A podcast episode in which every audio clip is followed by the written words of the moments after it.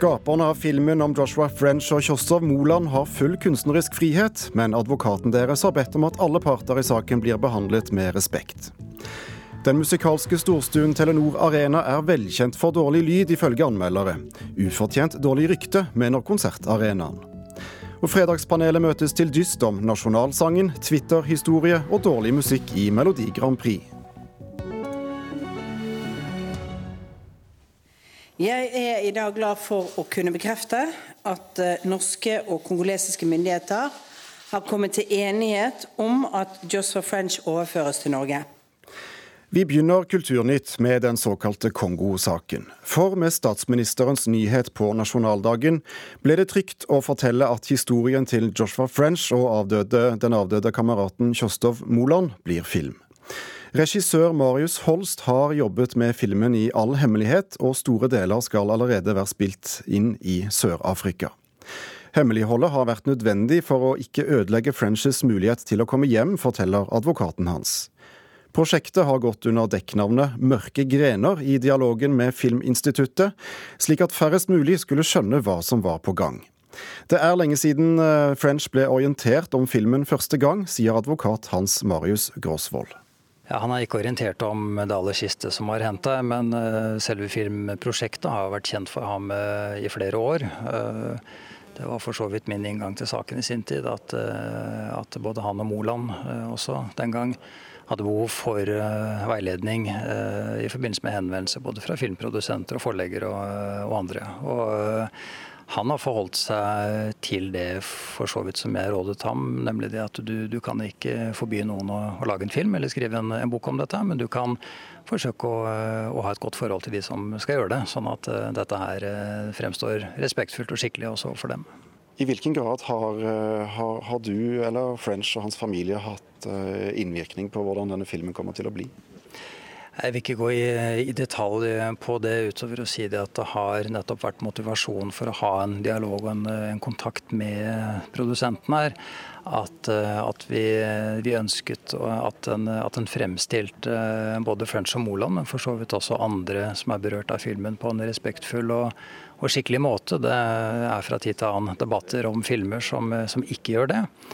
Eh, det har jeg for så vidt også hatt erfaring med flere ganger selv. Så igjen, poenget her var å ikke instruere produsenten. De har jo full kunstnerisk frihet, men å, å ha en åpen og skikkelig dialog med dem. Og det har vi hatt hele tiden. Produksjonsselskapet har, eh, har lagt eh, lokk på prosjektet og gitt eh, deltakere munnkurv. Altså Filminstituttet har unnlatt å, å, å, fortelle om at filmen er i produksjon. Hvor viktig mener du det har vært at det nettopp har vært et slik hemmelighold rundt filmen? Det er klart det at eh, en nyhet om at eh, en film er på vei om denne saken, eh, det er ikke sikkert at det ville slå positivt ut med tanke på de forhandlingene som har pågått ganske lenge nå mellom Norge og Kongo. Så, så, for min del så har det vært viktig, og nettopp igjen en del av poenget med å ha denne dialogen med produsenten. Og, og, og, få en forståelse hos dem om at her måtte man kanskje time markedsføringen og omtalen av denne filmen også litt sånn opp mot det diplomatiske arbeidet, og det har de hatt, eh, hatt full forståelse for. Eh, så vidt NRK kjenner til, så, så er filmproduksjonen eh, så godt som ferdig. Men begivenhetene de siste dagene har jo gitt en ny utvikling definitivt i saken. Eh, slik du ser det, bør, bør det med i en slik historie?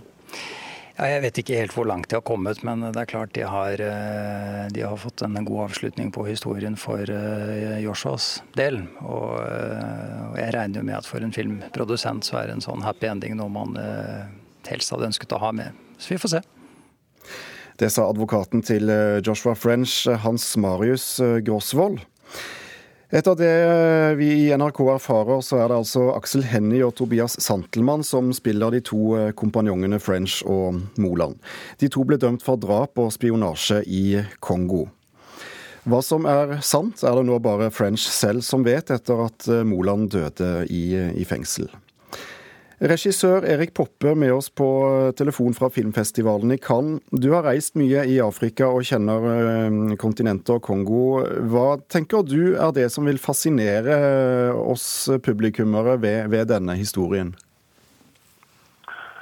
Vel, um, det, det, er jo først og fremst det samme som vel var grunnlaget til at det ble så mye mediedekning av saken den gangen den gikk for rettsapparatet i Kongo, tror jeg. Det er selvfølgelig lett å se for seg historien om, om to hvite norske menn som står overfor en relativt ja, hva si for noe, klart og tydelig definert motstand, motstand i form av tiltalen og deres selvfølgelig forsøk på å renvaske seg. Det er alltid en spennende historie å følge. Eh, du uh, laget jo nettopp selv en, en historisk uh, film, 'Kongens nei', riktignok uh, mye lenger tilbake i tid. Hvilke utfordringer tror du filmskaperne står overfor når de skal lage film av en, en ekte krimsak som vi kanskje ikke helt kjenner eh, sannhetsgehalten? Nei, riktig. Det er, det er, på en måte det. Det er viktig å få, få med seg at um, det man lager, når man holder på med det vi gjør nå, så er det jo så er det en fiksjonsfilm. Det er altså rett og slett en, en fiktiv uh, historie. Um, så bygger man den på så mye man kan komme over av virkelige hendelser, og hva man vet. Og så står man overfor valg underveis om hva man uh, må dikte inn for å få ting på plass, uh, fordi man ikke vet det. Eller om man dikter inn ting fordi man vil få en sterkere film. Eh, det siste er selvfølgelig alltid det mest problematiske. Ehm, og det, det vil jo denne filmen her også erfare. Hvor, eh, hvor, stor definisjonsmakt har en, en kinofilm på, på, hva eh, folk sitter igjen med og, og, oppfatter som sannhet? Ja, det er det. Altså, det er det som på en måte kjennetegner filmen, når vi tar tak i en historisk begivenhet. Eh, så hvor mange tusen sider som har vært skrevet av bøker osv., så, videre, så er det noe med at disse levende bildene og sånn har en utrolig definisjonsmakt på, på hvordan folk opplever historien. Så man ender jo ofte opp med å vurdere om dette, om dette er sant. Eh, om dette er mer sant enn de andre vi har lest og hørt. Eh, Erik Poppe, tror du eh, filmteamet som nå jobber med dette prosjektet, drar det i land på en god måte? Altså jeg vil si det. Når jeg hørte om, hørte om dette prosjektet, og vi har jo hørt om det en stund, vi som er i bransjen. og Først og fremst så var, jeg vel utgangspunktet nesten litt skeptisk, eh, må jeg bare si, til uh, hvorfor vi skal trekke denne Kongo-historien opp igjen. Når fortsatt folk i Norge ikke kjenner til forholdene i Kongo generelt, som herjes av en av de største borgerkrigene verden har sett gjennom de siste 20 år. Og det eneste folk vet er om Kongo, er at det var to. Nå er det én hvit nordmann som har vært fengslet der nede. Mm. Så når skal mediene bryte den? Men når det er sagt, så må jeg bare si at når jeg så fikk høre om de talentene som står bak, altså de som lager filmen, så skal de ha all ære. For det er på en måte noen av de beste folkene vi har. Eh, og det gjør i hvert fall at jeg, jeg stiller med en større nysgjerrighet til hva de gjør, og de valgene de gjør. Fordi dette må, må på en måte aldri ende opp med å bli en slags eh, heltehistorie om de to gutta der nede. Det, det, det tror jeg de er. Det tror jeg de står inne for. Jeg tror heller ikke de har de ønskene, tror jeg. Når jeg kjenner de. Erik Poppe, tusen takk skal du ha for at du var med oss eh, i Kulturnytt fra filmfestivalen i Cannes.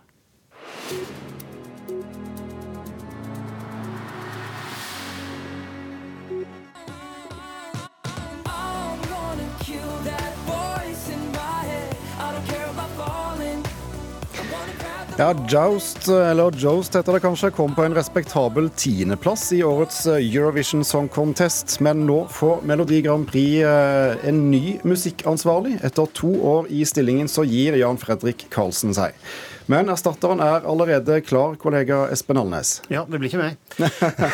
Jan Fredrik Karlsen han sier til nrk.no at eh, han gir seg nå fordi stillinga som eh, musikkansvarlig i Melodi Grand Prix blir vanskelig å kombinere med andre prosjekt som han skal i gang med nå til høsten. Men som du sier, uh, ny mann er klar. Han heter også Karlsen. Han heter Stig Karlsen. Er i dag, godt. ja, ja, må ikke forandre for mye på konseptet, vet du. Er, han er da prosjektleder for uh, Grand Prix i dag. Og han sier da til NRK nå at den viktigste oppgaven hans blir å motivere de dyktigste låtskriverne og artistene til å komme til Grand Prix. Vi holder oss fortsatt i musikkens verden.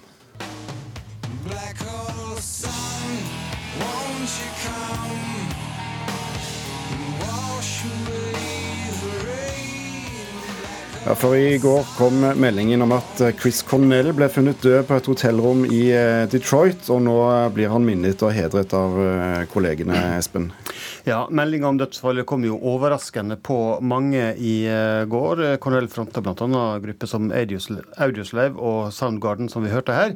Og I går ettermiddag kom det også meldinger om at dødsfallet var et selvmord. Nå blir altså Chris Cornell hedra for det han har gjort i musikken. Alice Cooper kaller han den beste stemma i rock'n'roll, mens Elton John skriver på Instagram at han ble sjokkert og lei seg da han fikk eh, høre om det brå dødsfallet. Også Cheek-gitarist og musikkprodusent Nile Rogers, som står bak noen av de største hitlåtene til artister som Madonna, David Bowie og Daft Punk, han sier til BBC at han fikk eh, sjokk da han fikk høre nyheten. just heard the news right before I left my hotel. It, it, broke my heart, and I was sort of hoping that it was like a joke or something. We were we were much more friends as regular people than we were musical colleagues. But if we picked up guitars together, it would be killing. Norges konsertstorstue Telenor Arena står foran en hektisk konsertuke med alt fra Bruno Mars og Sean Mendes til filmkomponisten Hans Zimmer på scenen. Men både publikum og anmeldere frykter at lydkvaliteten vil legge en demper på opplevelsen. Siden arenaen åpnet i 2009 har dårlig lyd ødelagt en rekke konserter i flerbrukshallen på Fornebu, mener Dagbladet-anmelder Mathias Rødahl forhåpningene bør ligge på at du er ikke der for en fantastisk lydopplevelse.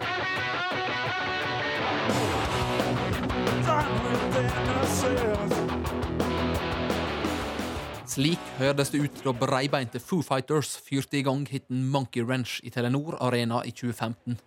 Kjip og møljete lyd, konkluderte anmelderne.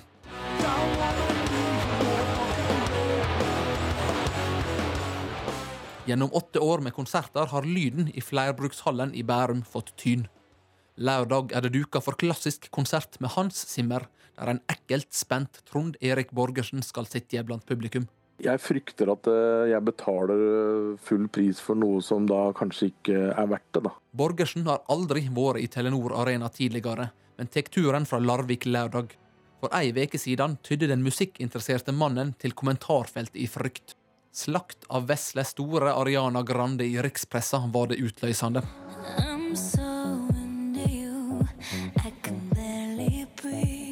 Ei stemme fra himmelen i et konsertlokale fra helvete konkluderte Dagbladet-anmelder Mathias Rødahl etter Ariana-konserten. Bakgrunnen er jo denne velkjente elendige lyden da, som er i Telenor Arena, og som er ganske veldokumentert nå, eh, etter en del år med konserter der. Det er vel ikke akkurat noen oppsiktsvekkende påstand nå, men det er fortsatt noe som ødelegger veldig mye konserter, og det, det er jo synd, det. Rødahl føyer seg inn i ei lang rekke anmeldere som klager på Telenor Arena. I 2013 gikk VG-anmelder Thomas Talseth så langt som å oppfordre til boikott. Jeg vil ikke fraråde noen å gå dit, men man må bare vite Altså Forhåpningene bør ligge på at du er ikke der for en fantastisk lydopplevelse, men du er der for å se artisten din, og kanskje også passe på å skaffe deg en plass som er nede på gulvet eller rett foran scenen. I hvert fall ikke sitt ut på sidene, for der, eh, der sliter du. I intervju med Telenor Arena på Fornebu stadfester teknisk sjef Espen Andersen i konsertsystemer at det er utfordrende å levere like god lyd i alle kriker og kroker av en så stor hall. Det er veldig stor avstand mellom eh, første og bakerste rad, f.eks. Sånn at de som sitter langt bak, kanskje blir sittende i et uh, område hvor det er refleksjonene fra tak og vegger og sånn er like sterke som direktelyden fra høyttalerne. Og da vil det kanskje oppfattes som grøtete lyd eller dårlig talltydelighet. Men å si generelt at det er dårlig lyd i Telenor Arena, syns jeg er uh, tøysete. Sammen med Andersen sitter marknads- og medieansvarlig Morten Hammer i Telenor Arena. Han kjenner seg ikke igjen i at dårlig lyd er et tilbakevendende problem, men er samtidig tydelig på at de får med seg kritikk. Alle tilbakemeldinger leser vi og tar med, det er jo viktig. Vi er jo stadig i utvikling, og vi har store investeringer i arenaen nå i forhold til for å gjøre det til en enda bedre flerbruksarena. Og selvfølgelig både lyd og akustikk er jo et av de elementene som er viktig å, å, ta med i den uh, settingen. Og Goldstar, som arrangerer konserten med Hans eh, Zimmer, sier en kort uttalelse at de vil gjøre alt de kan for å sikre en god konsertopplevelse lørdag. Reporter i saken var Hans Olav Riise. Klokken den har eh, akkurat blitt 18 minutter over åtte, og du hører på Kulturnytt i Nyhetsmorgen. Dette er overskriftene nå. Sinte bønder stanser i dag utkjøringen av matvarer til butikker og institusjoner. Aksjonen er en protest mot landbruksoppgjøret. Norske ekspressbussruter har mistet fire av ti passasjerer de siste årene. Nå ber de myndighetene om hjelp for å hindre nedlegging av flere ruter. I USA nekter president Trump igjen at han har noe å skjule når det gjelder kontakten med Russland. Nå håper han dagens utenlandsreise vil få oppmerksomheten bort fra det politiske kaoset på hjemmebane. Og Da åpner vi dørene for uh, ukens uh, fredagspanel. En uh, litt kort uke, så det blir et litt kort panel med Marit Moe Maune, teaterregissør, og Bjørgulf Vinje Borgenvåg, kommunikasjonssjef i Norsk Lektorlag. Velkommen. Takk. Vi begynner med, med, 17. mai. For i forkant av 17. mai-feiringen fortalte vi her i Kulturnytt om en spørreundersøkelse gjort blant 300 kontaktlærere i den norske skolen, som viste at mange barn ikke kan synge hele første verset av Ja, vi elsker. For ikke å snakke om de resterende versene. Fortvilende sa musikkprofessor Jan Roar Bjørkvold, som mente at vi satte kulturen på spill. Spørsmålet vårt er tar han for hardt i? Nei, nei, nei, nei. Nei, han gjør ikke det. Han gjør ikke det. Hvorfor er dette så viktig? Eh, nei, jeg mener, eh, Når jeg hører intervjuet som dere hadde med Bjørkvold, så vil jeg bare si det Bjørkvold sa. Altså, Sang er så grunnleggende for oss som mennesker, og det er så grunnleggende for oss som nasjon, som kulturhistorie, så han tar ikke for hardt i. Nei, altså jeg synes det er et veldig, For meg det er et veldig opplagt svar. Det handler også da om at vi må tørre å gjøre de tingene som er litt kjedelige, som også handler om kultur. Vi tviler ikke på at vi må lære en gangetabell, og det er jo ganske utfordrende å holde på med. Men så trenger det ikke være så kjedelig å lære seg ja og elsker. Jeg tenker det at det er ikke ungene sin skyld at de ikke kan ja og elsker. Det handler jo om at uh, hvis vi ikke kjenner vår egen historie, hva vet vi da om fremtida? Det er så opplagt, uh, opplagt spørsmål. Men jeg syns også man skal ta og se litt på de andre versene, fordi at de sier også noe om hvor vi var når den sangen ble skrevet. Mm. Og hvor er jeg nå? Og det er jo den læringa vi har for å se fremover, det. Så, um... og så er det jo sånn at de som tror de kan Ja, vi elsker, kan, kan antagelig bare tre vers, men den har mange flere. ja, det er mange flere, og det er også noe med å ta med de tingene som kanskje i dag ikke er så opplagt å synge, og si at vi har også vært en nasjon som har hatt kjønnsforskjeller, vi har også vært en nasjon som har vært bygd hvor de fleste var bønder, eller hvor verden så sånn ut. Og ut av det så kan man jo snakke interessante ting. Og min erfaring med unger er jo at uh, de er veldig glad i 17. mai, og de er også veldig glad i å lære de sangene. Julesanger er det samme. Kjør på. Hvordan hadde 17. mai vært uten eh, alle disse sangene våre? Det hadde vært forferdelig trist. Og jeg må jo si, når jeg så på, i år foran Slottet på 17. mai, så sang de bare to vers av 'Ja, vi elsker'. De tok ikke med den der 'Fedrene har kjempet og mødrene har grett'. Og jeg er jo helt enig med deg at eh, vi må, vi må stå ved den historien vi har. Og så kan vi la oss heller skrive nye vers, da. Hvis, eh, hvis vi syns at det er noe av det som er utdatert. Men det er ikke det, for det er historien for. Og det er også så utrolig viktig at barn lærer å synge. Og da må det få mer status å synge. Og man må, man må rett og slett heve fokuset på det. Og jeg er så glad for at fargespill, at alle kan synge korene, at Krafttak får sang, at vi nå har bevegelser ute i landet vårt som setter, som setter fokus på det, som bruker energi på å la barn finne seg sjøl, på å la de få glede gjennom å musisere. Hvordan skal vi fortelle skoleelever og, og for så vidt hverandre at, at kultur og sang også er viktig? Nei, men Det er bare å gjøre det. Eh, det er faktisk bare å sette seg ned og synge en sang. Jeg, jeg må si at jeg syns et paradoks. Jeg er veldig glad i grunnskolen og, og, og, og, har hatt to unger som har gått på vanlig skole. Og så hadde jeg ei datter som begynte på Steinerskolen på et tidspunkt.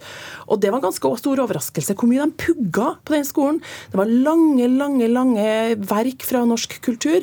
Og jeg ser hva hun har igjen for det. Så kanskje kan til og med også vanlig grunnskole la seg inspirere av et andre når det gjelder å, å utvikle den kulturelle hodet, da. Men Borgen du sitter på en måte med svarteper her, for du er både tidligere statssekretær og nå eh, jobber i Norsk Lektorlag. Eh, og så er du sanger fra gamle dager. Eh, men hvem har egentlig ansvaret for å, å, å, lære oss alt dette? Ja, Det er klart at Bjørkvold hadde på en måte rett når han sa myndighetene har ansvaret, fordi vi må faktisk gjøre det litt viktigere med estetiske fag. Og det har jo Stortinget nå sagt. Det er viktig med kompetansekrav til lærere i estetiske fag. Det er det. Det er viktig med kompetansekrav til lærere i alle fag. Men så må også foreldre tørre å synge med ungene sine, for det er altfor mye stemmeskam der ute hvor folk ikke tør å synge. Og det er, det er så feil. Jeg har jobbet i Hamburg med tyske barnehagelærere hvor, hvor kvinner gjenfant hodestemmen som du faktisk trenger å bruke når du skal lære barn å synge, for at det ikke blir brummere. Og jeg snakka med de som utdanner barnehagelærere på Musikkhøgskolen Oslo og Akershus for noen år siden, som fortvilte fordi faget var så lite. Det fikk så liten plass av høyskoleledelsen den gangen. Sånn at det må løftes, og det handler om at foreldre må tørre å synge med ungene sine. Men da syns jeg det er veldig deilig at jeg hører en mann som da tilhører regjeringspartiet, som nå kanskje kan ta og stikke fingeren inn i makta og si det at eh, hvis vi hele tida sier at matte er det aller viktigste for å bli et modent menneske, så har vi et kjempeproblem. Vi får la det være en tydelig eh, beskjed til, eh, til de som styrer. Og så løper vi videre til neste tema. Toppolitikeres aktivitet på sosiale medier blir ikke dokumentert for ettertiden. Og direktøren for Nasjonalbiblioteket advarte mot at vi mister både en del av hukommelsen vår og muligheten til å holde politikere ansvarlige for det de sier og gjør. Frykter dere det samme? Åh, nei. nei. nei. Hvorfor kan vi bare glemme alt som er på Twitter? Men vi gjør jo ikke det, fordi at pressen er veldig glad i pressen. Jeg syns vi ser nå ved Amerika hvor farlig det er når pressen blir trua. Pressen kommenterer sosiale medier hele tida og trekker kanskje frem de viktigste utslagene av aktiviteten hos, uh, hos, en del politikere på sosiale medier. Vi må huske på at sosiale medier funker på to måter. Den funker sånn som det gamle brevet gjorde, eller på flere måter. Men den funker også som den gamle telefonen gjorde, hvor vi ikke fikk dokumentert. Mm. Og, og eh, tekstmeldinger, jeg syns kanskje det er like viktig for historien historien hva, at alle mine kjærlighetsbrev har vært tekstmeldinger til mannen min. Og Det vil si det at det eksisterer jo heller ikke det. Så det er mye norsk kultur som ikke eksisterer noe lenger, og vi må finne andre måter å huske på, da. Men å drive, drive og registrere alt på sosiale medier, særlig som visse politikere driver på med, det blir jo en oppgave som blir kanskje litt dyr for et samfunn. Ja, Blir det dyrt og kanskje umulig? Nei, altså Nasjonalbiblioteket har en viktig jobb, og de har utrolig flinke folk. Og med den endringen som er gjort i pliktoverleveringsloven, så slipper de f.eks. å skanne inn bøkene, hvor de forlagene sender dem manus i stedet. Så de får jo frigjort ressurser og har fantastisk digital kompetanse.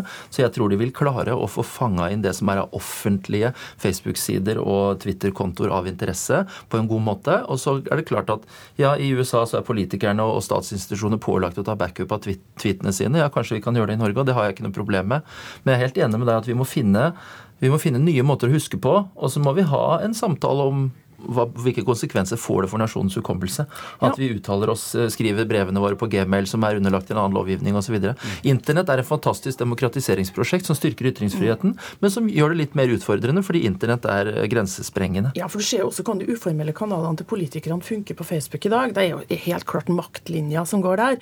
Eh, og hvordan skal man greie å fange opp det? det jeg tror nok at eh, det her er jo noen, noen som bør finne ut, da. Men jeg tror vi skal ikke ta oss vann over hodet, for vi skal også passe på alle uformelle samtalene som foregikk. Det, er en jobb for biografene, nei, dem som skriver biografier, kanskje mer enn for det offentlige. Og så må vi ikke glemme hvor stor fordel det er at folk flest kan komme i kontakt med politikere på Twitter. Mm. Jens Stoltenberg snakka med folk på Twitter, Erna Solberg snakker med folk på Facebook. Det er jo veldig bra. Viktig. Men hvem, hvem eh, Altså, det er et flyktig medium. Eh, og, og, og det kan være lettvint for politikerne å stikke av fra eh, ting de da har lovet velgerne i dialogen med, med dem. Men hvordan skal vi greie å stille dem til ansvar for alt det som eh, står på Twitter og Facebook, når, de, når vi ikke kan gå tilbake og, og se det? Ja, det er jo Inntil de sletter kontoen sin, og det er det jo ikke så veldig mange som gjør, så ligger det jo der. Og det, vi opplever at det torget der ute på internett, at de folkene er ganske flinke å finne det fram og fortelle det til pressen, eh, som, som, du sa her. og Den beste måten vi skal få gjort noe med det, hvis vi skal legge press på lovverket, så er det jo faktisk å gå inn i EU. For EU har makt til å få gjort noe med det. Norge alene klarer ikke det. Vi må tilbake til litt musikk eh, helt til slutt i Fredagspanelet.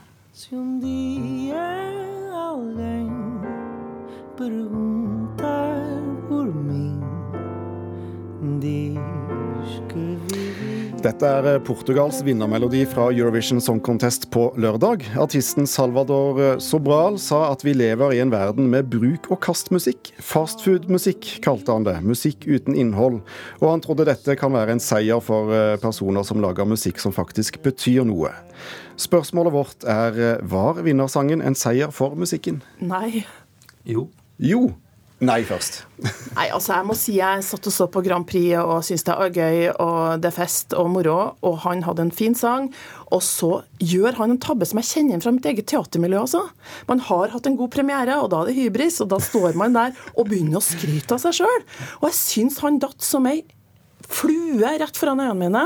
Fordi at eh, å møte å si at jeg har én kunstform, jeg har valgt én vei i musikken, og så tråkk på det noen andre som faktisk er kjempedyktige. Jeg vil si Det minner meg om hvordan ABBA ble behandla da jeg var 13 år. Da satt kultureliten og fortalte at det var dritt. Og jeg var 13 år og skjønte ingenting, for det var en musikk som traff meg der jeg var da. Og ettertid har kanskje vist at det var kvalitet over hele linja. Men det var en god sang? Jeg syns det var en fantastisk sang, og jeg syns vi skal huske at det het faktisk før Melodi Grand Prix, og i Sverige kaller de det Melodifestivalen. Mm. Og nå kaller de det Song Contest, men da må det jo være det. Det må ikke være en show contest. Og jeg, jeg, jeg fulgte med hvert år fram til 2004, når det var pyroteknikk og lærkostymer som på en måte dominerte vinnerbidraget. Eh, og jeg syns faktisk det er litt viktig at eh, vi kan ha en debatt om kvaliteten også. At ikke vi ikke skal ha lov til å, å, si at vi syns noe er viktig. Jo, men det der var jo ikke en debatt. Det var jo en fyr som på et vis fremstod som ydmyk, men egentlig sa han utrolig arrogant, nemlig at det jeg driver på med, det er kjempefint. Men de som lager godt produsert popmusikk, de driver bare med tullball. Å gå inn på en eller annen slags danse, øh, en klubb eller et eller annet og sette på det han gjør Musikk er til forskjellig bruk. og vi må, Jeg syns rett og slett jeg ble skikkelig skuffa over han som musikalsk kollega, at han tråkka på kollegaene sine på det viset. Hvem, hvem kan egentlig bestemme hva som er god og dårlig musikk? Nei, Det er jo folkets jury og fagjury nå som gjør det. Men jeg, du reagerte på hvordan han uttalte seg, og spørsmålet her var om vinnerlåta var en seier for musikken, og det var det jeg svarte på. Ja, men Det var jo mer det han sa. som Jeg tenker det at eh, jeg synes at det som, det som, var flott, det var at folk faktisk torde å ta et sånt valg. Og så syns jeg han var veldig dum som ikke var raus med kollegaene sine etter han. Marit Moe Maune og eh, Bjørgulf Vinje Borgenvåg, tusen takk for at dere utgjorde ukens eh, fredagspanel. Med det runder eh, Kulturnytt av eh, for i dag. Eh, produsent var Gjermund Jappé, og her i studio satt Thomas Alvarstein Ove. Nyhetsmorgen fortsetter straks etter Dagsnytt.